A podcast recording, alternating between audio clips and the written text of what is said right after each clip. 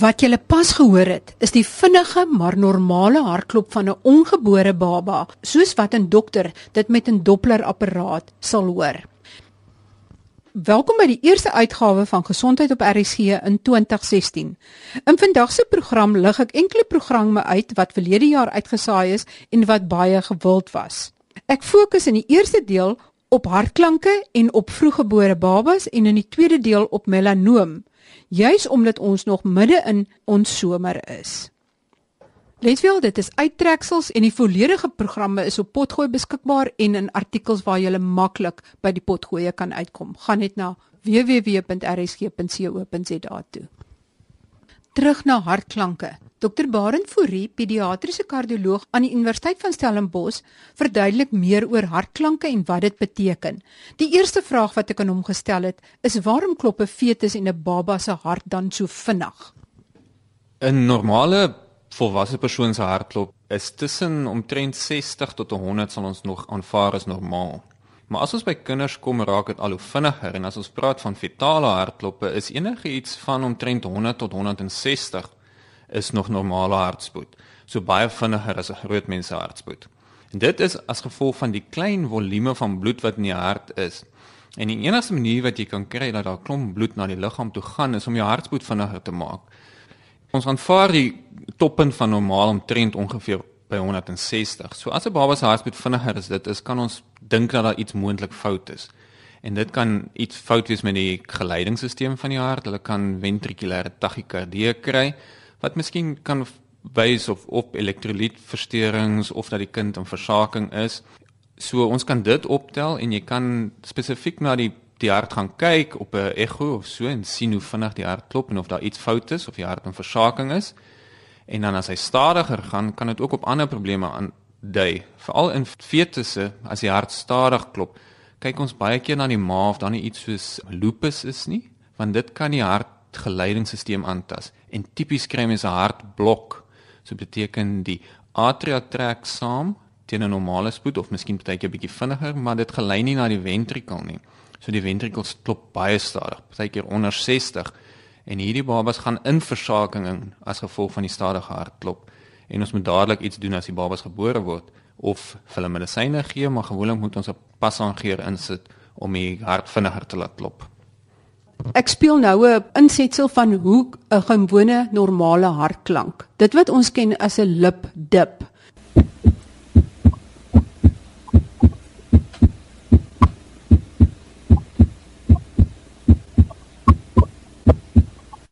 Wat maak daai eerste klank, die lip en wat maak die tweede klank? So die hartklanke wat ons hoor is as gevolg van die kleppe wat gewoonlik toemaak. So die eerste hartklank of ons S1, so ons verdeel dit in 'n S1 en 'n S2 of 'n eerste en 'n tweede hartklank. Die eerste hartklank word deur jou atrioventrikulêre kleppe of jou tricuspidale en mitrale klep veroorsaak as hulle toegaan. En dan die tweede hartklank word gevorm deur jou halfmaanvormige kleppe of jou pulmonale en aorta klep as hulle toegaan. So dis tipies daai kleppe wat die klank veroorsaak. En tussen die twee kleppe is dit of die hart wat eerstens tussen S1 en S2 of eerste en tweede hartklank is wanneer die hart saamtrek. So dit noem ons systolie en dan van die tweede hartklank tot weer die volgende eerste hartklank is as die hart ontspan of dit noem ons diastolie. So as ons praat van systolie wanneer die hart saamtrek. So dan kan ons dink die bloed het nou ingevloei in jou ventrikels in wat die groot kamers is. So as hy saamtrek moet dit uitgepomp word. So dan maak jy mitraalklep en jou tricuspidaalklep toe want jy wil nie hê die bloed moet terugvloei na jou klein kamertjies toe nie, maar hom nou uitvloei die hart uit, so dan maak jou pulmonale en jou aorta kleppe oop. So daai eerste hartklank is wanneer daai mitraalklep en tricuspidaalklep toemaak en dan maak jou aorta en jou pulmonale klep oop, word die hart se bloed uitgepomp en dan ontspan die hart. So dan maak jou aorta en jou pulmonale klep toe, ons hoor die tweede hartklank en die ander twee kleppe maak weer oop en dan vloei die bloed weer in die groot kamers in. En so hou dit aan. So elke keer as die hart saamtrek, maak jy tricuspidaal mitrale klep toe. As jy ontspan, maak jy aorta en jou pulmonale klep toe. Dit beteken dat die kleppe eintlik 'n geweldige spanning moet hanteer van daai toeslaan of die bloed wat terugval op die klep. So daai kleppe moet nogal baie sterk wees. Ja, dis hoekom die kleppe so gevorderde toestel is en dit is so alhoewel hulle papier dun is, moet hulle baie druk weerstaan. Met ouderdom werk hulle nie meer so goed nie en dan kry mense ook allerlei lekkende kleppe en so as hulle nou nie meer so goed werk nie.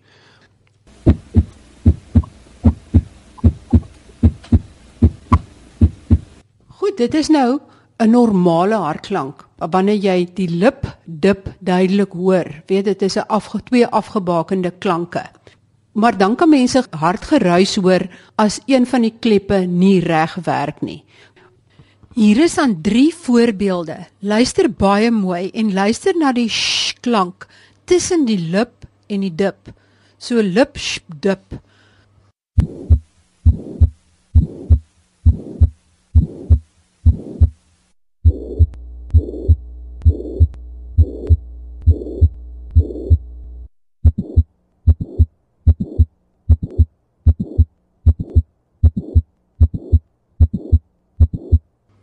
Ja, so tipies tussen die eerste en die tweede hartklank wat ons noem sistolie of samentrekking van die hart, gaan ons 'n sistoliese geruis kry. So ons noem dit as ek kan verduidelik, dis 'n lip ship dip of 'n een ship twee en dit is tipies wanneer die hart saamtrek.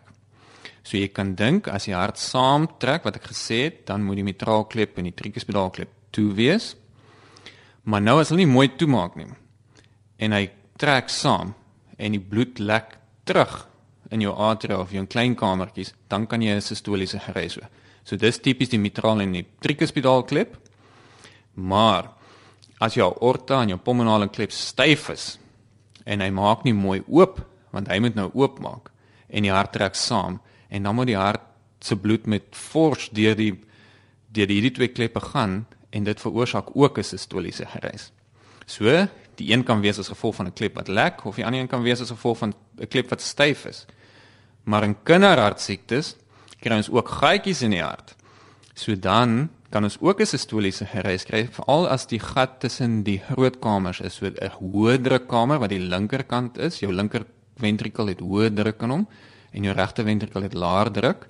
So jy mens kan dink as daai twee ventrikels saamtrek, sal die bloed vloei van 'n hoë druk na 'n lae drukstelsel en dan gaan mens ook 'n sistoliese geruis kry. Met ander woorde, daar kan 3 redes wees hoekom jy 'n geruis hoor tussen die lip en die dip, die lip shoop dip kan 3 redes voor hê. Dit kan of die aorta of pulmonale kleppe wees wat oop moet wees wat nie behoorlik oop is nie, of dit kan die twee kleppe wees tussen die ontvangkamer en die pompkamers wat moet toe wees wat nie behoorlik toe is nie of dit kan 'n gaatjie tussen die twee ventrikels wees. Dit was net 'n uittreksel uit die program oor hartklanke. As jy meer wil weet hiervan, gaan na www.rsg.co.za na artikel wat die klanke verduidelik en waarin daar ook 'n skakel na die spesifieke potgoeie is. Ons bly by kinders en wel by vroeggebore babas. Ons het voor die onderhoud vinnig ingeloer by saal A9. Dit is die saal waar al hierdie baie baie klein en premature babetjies met groot aandag en kundigheid versorg word by die Tygerberg Hospitaal. Jy kyk deur die broeikas en jy sien hierdie absolute piepklein babetjie met die lyfie wat in 'n florobakkie kan pas, met die ou lang ledemaatjies wat daar lê en asemhaal. Sy voetjies is piepklein. En om vir julle 'n idee te gee, gaan kyk gerus sommer nou op www.rsg.co.za na 'n paar fotos wat ek geneem het van gipsafdrukke wat 'n verpleegkundige gemaak het van babetjies wat gebore is. Dis 'n vergelyking met 'n baba wat op 40 weke gebore is, dan kan jy sien dit lyk soos 'n baba se voetjies in vergelyking met 'n reus se voete. Die handjies is ook afgeneem. Professor Johan Smit, hoof van neonatologie by die Universiteit van Stellenbosch en die Tygerberg Hospitaal, verduidelik meer oor premature babas en die probleme wat daarmee gepaard gaan. Hoe nader jy aan voltyd kom of 9 maande of 39 weke, 40 weke, hoe beter is die orgaanstelsels ontwikkel van die baba. Nou in praktiese sin word daar in akademiese hospitale en private hospitale in Suid-Afrika gekyk na babetjies wat enigiets gebore word tussen 25 weke gestasie en 40 weke of later gestasie. Dis dan met ander woorde letterlik hier van 6 maande tot 9 maande. Dis baie klein tot baie groot. Ons praat van 'n gewig van tussen 500 gram op 25 weke op na 'n 4 kg baba by 40 weke. So jy kan self sien wat die verskil in gewig is. Nou gekoppel daarmee is die maturiteit van die orgaantjies en die belangrikste orgaantjies vir ons in die babatjie al die organe is belangrik, maar wat veral krities is is die longetjies, die fase van longontwikkeling, die fase van breinontwikkeling en natuurlik die oog, die oogie van die baba. Klein prematuurtjies gebore op 25 tot 28 weke gestasie, hulle is geneig om asemhalingsprobleme te ontwikkel omdat die longetjies net nie behoorlik longblaasies het nie. So anatomies uh, ontwikkeling is is nog agter en daarmee saam maak hulle ook nie die chemiese stof surfactant in die longetjies wat hulle in staat stel om gemaklik asem te haal nie en ons moet die substans dan aan die babatjie toedien en die brein is natuurlik baie fragiel is in 'n baie sensitiewe fase van ontwikkeling met bloedvaatjies en jou breinselletjies wat ontwikkel en besig is om te beweeg van die middelbreinarea tot die korteks van die brein, die korteks van die brein of die mantel van die brein word gevorm in daardie tyd. En die oogies is natuurlik ook onderontwikkel en baie sensitief vir moontlike skade wanneer hulle blootgestel word aan suurstof. Nou die groot impak op oorlewing van hierdie kleintjies is gemaak sowat twee dekades gelede na navorsing in skape nog langer terug gewys het dat wanneer jy steroïde, kortison aan 'n maag gee wat dreig om in premature kraam te gaan of wel in premature kraam is, wanneer jy kortison aan so 'n maag toedien, dan versnel dit die ontwikkeling van die longe, van die brein en selfs beskerm die brein van die baba en voorkom so surfactant tekort in 'n mate en sogenaamde respiratoriese noodsindroom en ook uh, beskerm dit die kleintjie teen ontwikkeling van breinbloeding. Ons het ongeveer 24 tot 48 uur nodig uh nadat die moeder die steroïde gekry het om die volle voordeel van die steroïde te kan ervaar. So ja, daar's baie faktore wat 'n rol speel en natuurlik is ons in die bevoordeelde posisie in Suid-Afrika om geassisteerde asemhaling te kan toedien aan die babas sou hulle dit nodig hê. En ons het natuurlik ook die middel surfactant wat ons kan toedien aan babas is 'n geweldige diermiddel, maar dit is natuurlik ook 'n lewensreddende middel. Die ander groot probleme waarmee mense te doen het in hierdie heel kleintjies wat so 'n afstand van voltyd gebore word is die ontwikkeling van die brein want alhoewel die kleintjie 'n perfekte normale mensie is, is al die struktuurtjies en orgaantjies in die liggaam onderontwikkel. En die groot probleme is dan soos ek gesê die longetjie, die fase van breinontwikkeling omdat hierdie kleintjies dan op 6 maande is geneig om spontane bloedingkies in die brein te kry soos ou mense wat 'n strook kry. Mense moet hierdie kleintjies dus baie versigtig hanteer. Jy kan nie altyd hierdie bloedings in die brein voorkom nie. En dis nie te sê dat dit slegte nuus is as hulle 'n bloeding kry nie, dit hang weer af van die graad van die bloeding. En dis dan waarom hierdie kleintjies wanneer hulle uiteindelik na 3 maande se verblyf in die hospitaal huis toe gaan, hulle opgevolg word tot hulle skoolgaande ouderdom is om te kyk hoe hulle ontwikkeling is en as intervensies nodig is dat dit dan verleen word. Uh die ander probleme wat ons het is hulle oogies is onderontwikkel en is baie vatbaar vir die effekte van suurstof uh terapie en suurstofterapie moet baie baie goed gekontroleer en gemonitor word omdat suurstof die oogies kan skade aandoen en daarvoor behoort hierdie kleintjies dan ook vroeë sifting van die oogie te kry deur 'n opgeleide oogarts. Hulle volg die oogie se maturasie op die ontwikkeling en hier van 4 weke af tot ongeveer 37, 38, 39 weke besluit dan of daar intervensies of terapie nodig is indien daar wel oogskade tekens is dat hulle dit kan uh, stopsit. Hierdie word genoem retinopatie van prematuriteit en natuurlik die voeding wat 'n mens vir die babetjies gee. Die ou kleintjies word gebore En ek praat nou maar nog steeds van die uh, ouetjie gebore hier op 6 na 7 maande gestasie omdat hulle sou natuurlik die grootste probleme vir 'n mens gee. Maar so tot hier by 35 weke het jy in wisselende grade probleme van die organe soos ek nou genoem het en dan natuurlik die stabilisering van melkinname ehm um, want die ouetjies groei geweldig vinnig het 'n baie hoë aanvraag vir kalorieë en proteïene en soutte omdat hulle so vinnig groei en dit absoluut nodig het. So borsmelk is geweldig belangrik.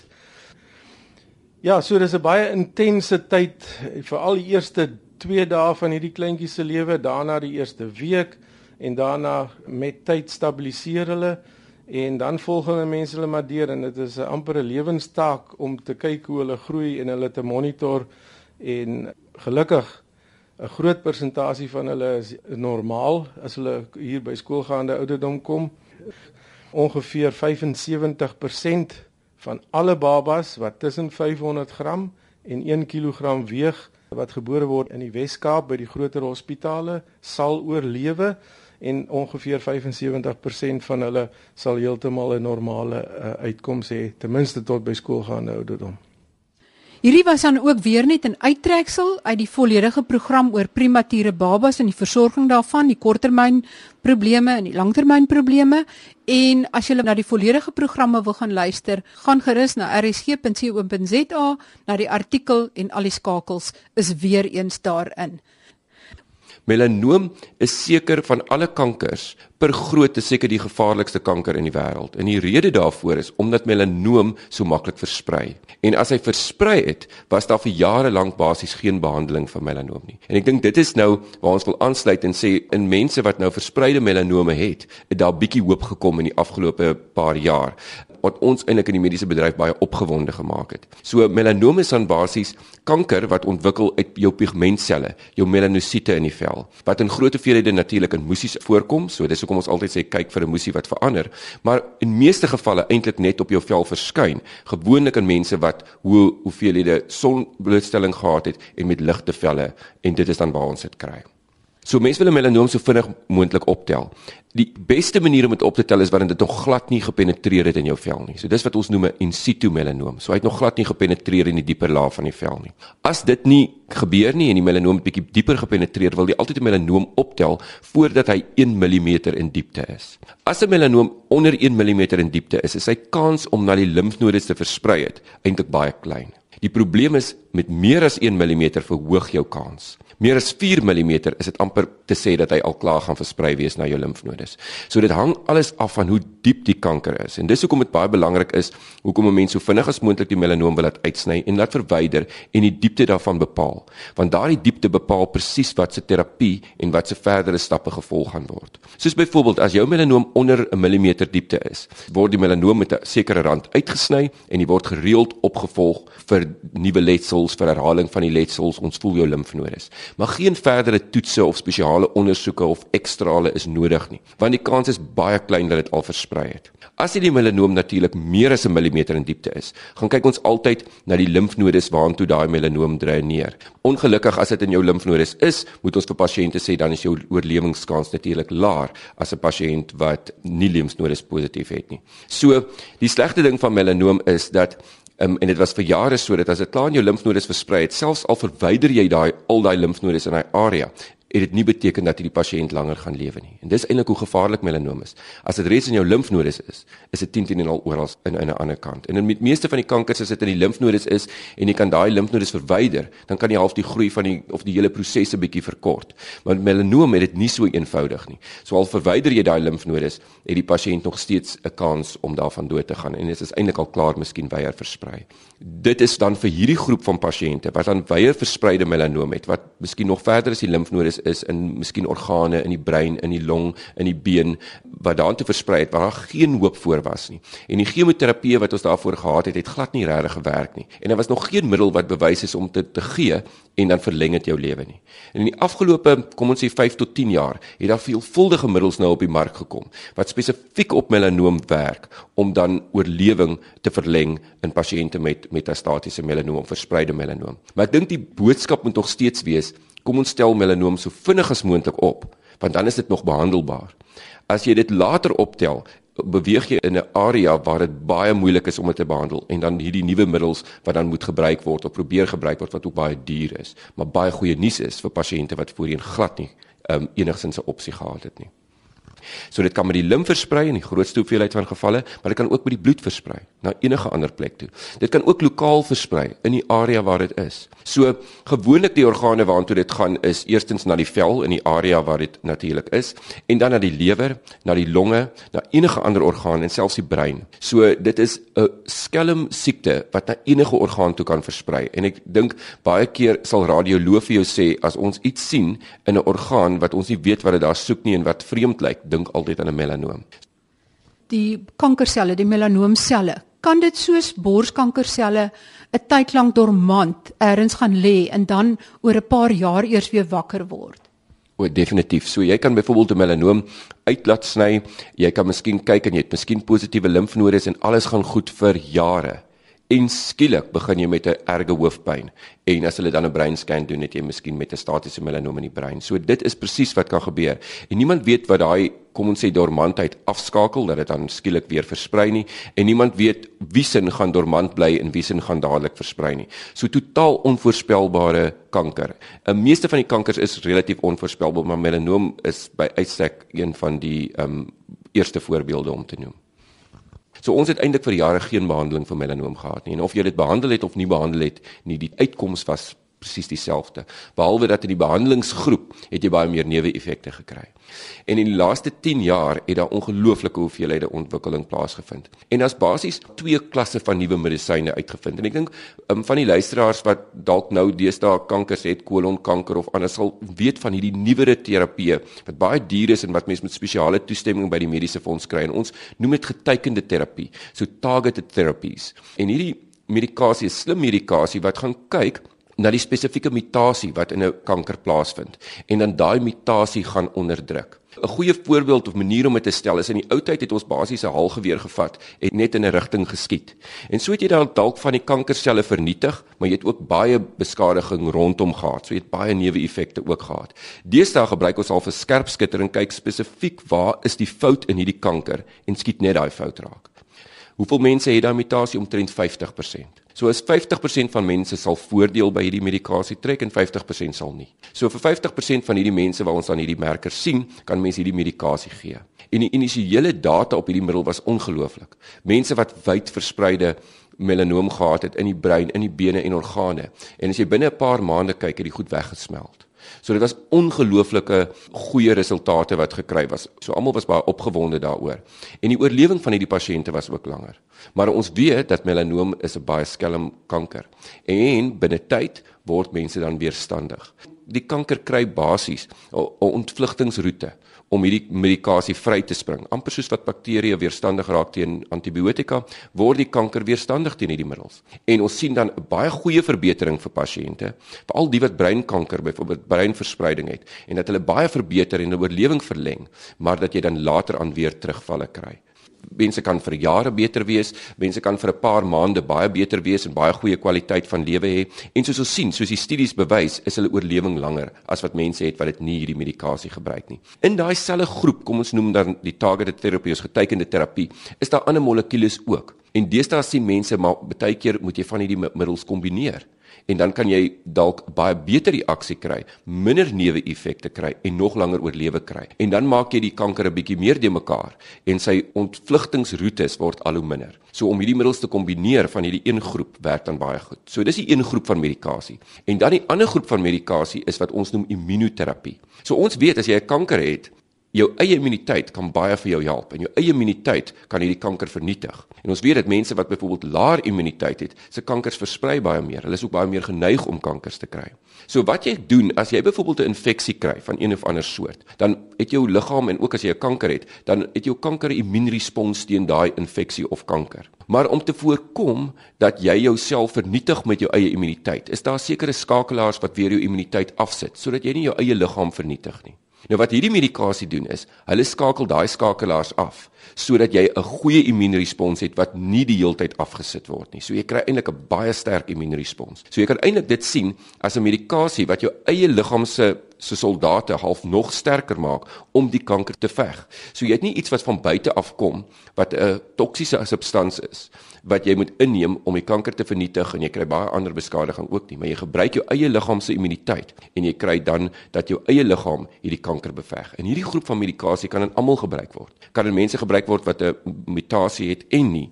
En hierdie medikasie is dan ook nou onlangs goedgekeur in Suid-Afrika vir gebruik vir almal. Beide van hierdie groepe, die die immunoterapie en die getekende terapie word al lank in Suid-Afrika in proefstudies getoets. Suid-Afrika was deel van die studiepopulasies wat dit uitgemaak het, maar die nuwe middel vir die immunoterapie is nou offisieel goedgekeur en kan nou vir pasiënte gebruik word terwyl die targeted therapies gaan goedgekeur word in die komende jare. Die probleem natuurlik van hierdie medikasie is dit is ongelooflik duur. En hierdie medikasie kan tot 'n miljoen rand per jaar kos. As 'n klein persentasie van pasiënte soos in alle goed wat ons weet wat heeltemal genees kan word en dis natuurlik wonderlik vir hierdie pasiënte, maar vir die groot hoeveelheid van pasiënte gaan jy verlengde oorlewing hê, maar nie noodwendig genesing nie. Let daarop dat dokter Visser daarop wys dat ook hierdie nuwe middels soos baie ander middels ook ernstige neeweffekte kan hê, maar die koms van nuwe middels en nuwe behandeling is altyd goeie nuus. Ek wens al die luisteraars van Gesondheid op RSG baie goeie nuus vir hierdie jaar toe en goeie gesondheid. Tot volgende week dan. Totsiens.